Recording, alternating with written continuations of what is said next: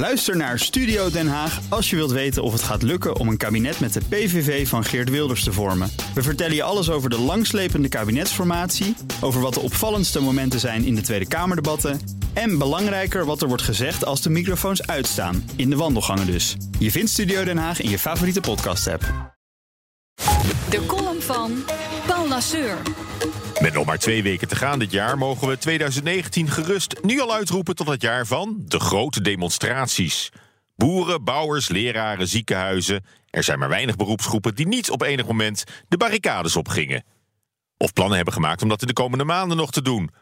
Ontevredenheid over het heden, angst voor de toekomst en zucht naar erkenning. Het drijft ze met duizenden tegelijk richting Malieveld. Maar het zelfs zo druk werd dat de grasmat intussen nodig moest worden gerepareerd. Vooral het boerenprotest in oktober met lange rijen tractoren mocht zich aanvankelijk verheugen in de sympathie en bijval van het grote publiek.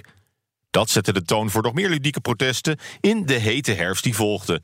Allemaal spontane acties, die meestal buiten traditionele belangenorganisaties om werden opgetuigd. Een Facebookpagina en een WhatsApp-groep bleek genoeg om een legertje medestrijders op de been te krijgen. Maar de maatschappelijke steun voor al die demonstraties kalft in hoog tempo af. Zo moet vandaag de kortgedingrechter beslissen of de voor woensdag geplande boerenacties wel mogen doorgaan. Supermarkten maken, terecht, ernstig bezwaar tegen de ontregeling die zij vrezen voor hun bevoorrading in de week voor kerstmis.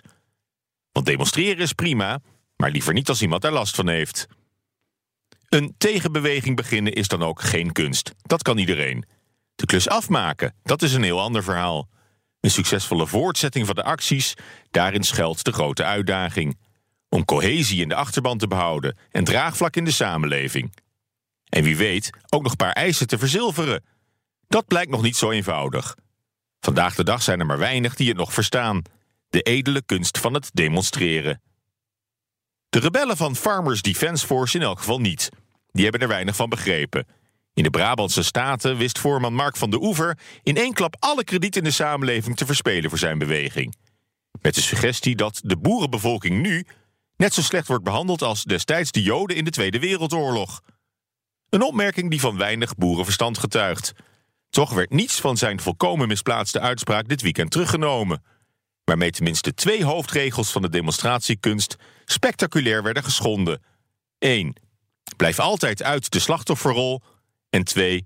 Don't mention the war. We zijn het demonstreren verleerd in het land. We behoren dan ook al jaren tot de allergelukkigste volken van de wereld. Toch zullen we een antwoord moeten vinden op de grote vraagstukken van deze tijd. Zoals de klimaatcrisis, de energietransitie of de groeiagenda van minister Wiebes.